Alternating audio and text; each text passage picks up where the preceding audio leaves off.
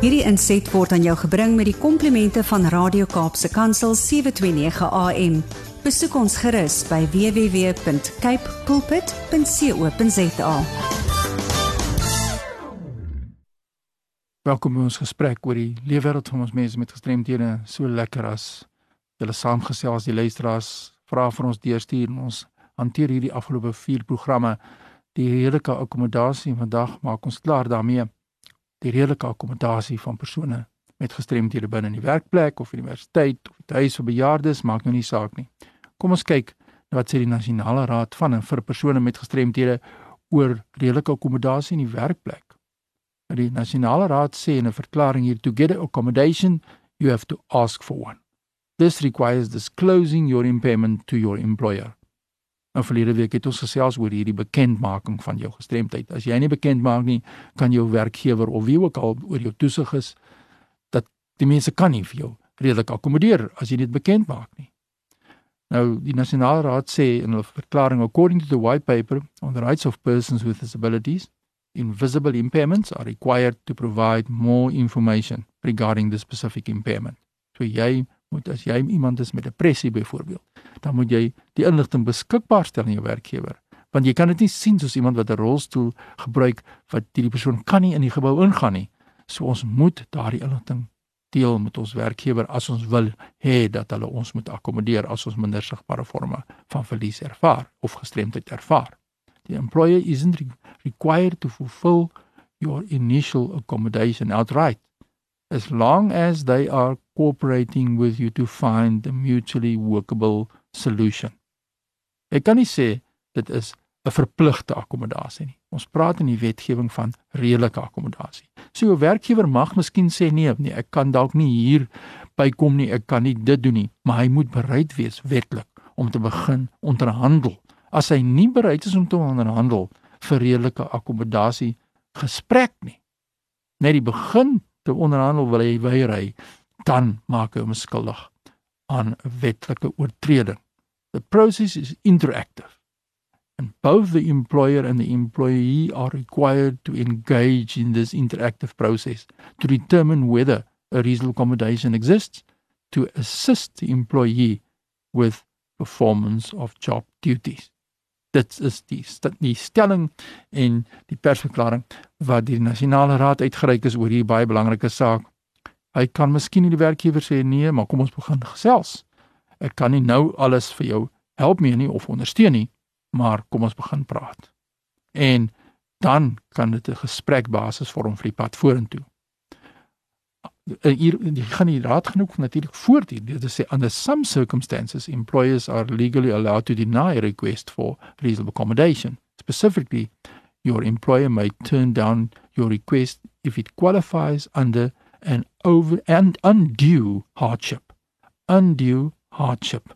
Dit is die term wat die wet gebruik. This may be because the change is too expensive or difficult to implement or it might change the nature of the business in a fundamental way. So daar is sekere goed as dit onregverdig is teenoor die werkgewer, dan kan die werkgewer sê jammer, ek sou baie graag wou hierdie uittoerusting vir jou koop, maar dit kos 'n paar miljoen rand en my besigheid kan dit in elk geval nie bekostig nie. En dan moet jy onderhandel om te kyk of daar nie ander metodes is hoe jy daarby kan verbykom nie. Watter ander toegewings of akkommodasies kan mens miskien in plek sit? Miskien kan jou taakspesifikasie 'n bietjie verander. Nou dit is alles deel van die onderhandelingsproses. If it's possible that your supervisor doesn't understand your request, en dit is wat die nasionale raad baie sterk oorvoel in hierdie verklaring. Ons kan nie sommer net aanvaar dat die werkgewer alles moet weet oor gestremdheid nie. Ons moet redelik wees, ons moet gesels, ons moet praat daaroor. Maar iemand vra ook hier in 'n brief aan my en daarmee sluit ek vandag se gesprek af. Ek het alles al probeer in my werk. Ek kry nie enige akkommodasies nie. My werkgewer weier blaatant om my akkommodasie dan toe te pas. Nou, dit is baie duidelik dat the Promotion of Equality and the Prevention of Unfair Discrimination Act of 2000.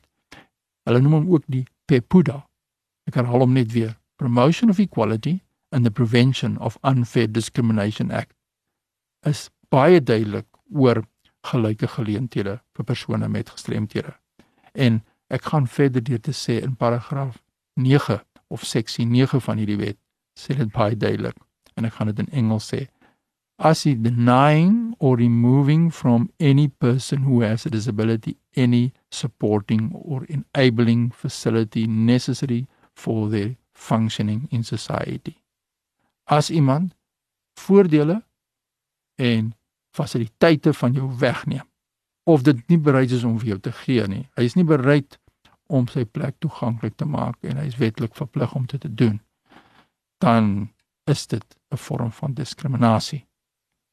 Daar's ook iets soos in paragraaf C onder seksie 9 sê failing to eliminate obstacles that unfairly limit or restrict persons with disabilities from enjoying equal opportunities or failing to take steps to reasonably accommodate the needs of such persons. So jy kan dit sien hier, die wetgewing is baie baie duidelik, maar ons moenie eers die ding in die wet probeer bedryf nie. Ons moenie eers dadelik na die wetgewing toe hardloop nie.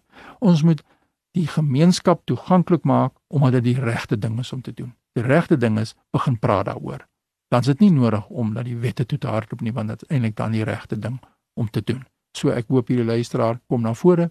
Stuur vir my e-pos as jy nie tevrede is nie, dan kyk ons of ons miskien regs opinie kan inwin oor jou situasie waar daar blaatant geweier word om onder enige omstandighede vir jou te akkommodeer. My e-pos is fani.dt@mweb.co.za en soos ek sê, ons sluit dan af hierdie gesprek, hierdie reeks gesprekke oor die redelike akkommodasie van persone met gestremthede, maar jy is welkom om as jy voel jy kry nie die geleenthede nie, 'n e-pos aan my te stuur. Net weer my e-pos fani.dt@mweb.co.za. Kom na vore. Maak bekend wat jou uitdagings is. Groetnis tot 'n volgende keer. Hierdie inset was aan jou gebring met die komplimente van Radio Kaapse Kansel 729 AM. Besoek ons gerus by www.cape pulpit.co.za.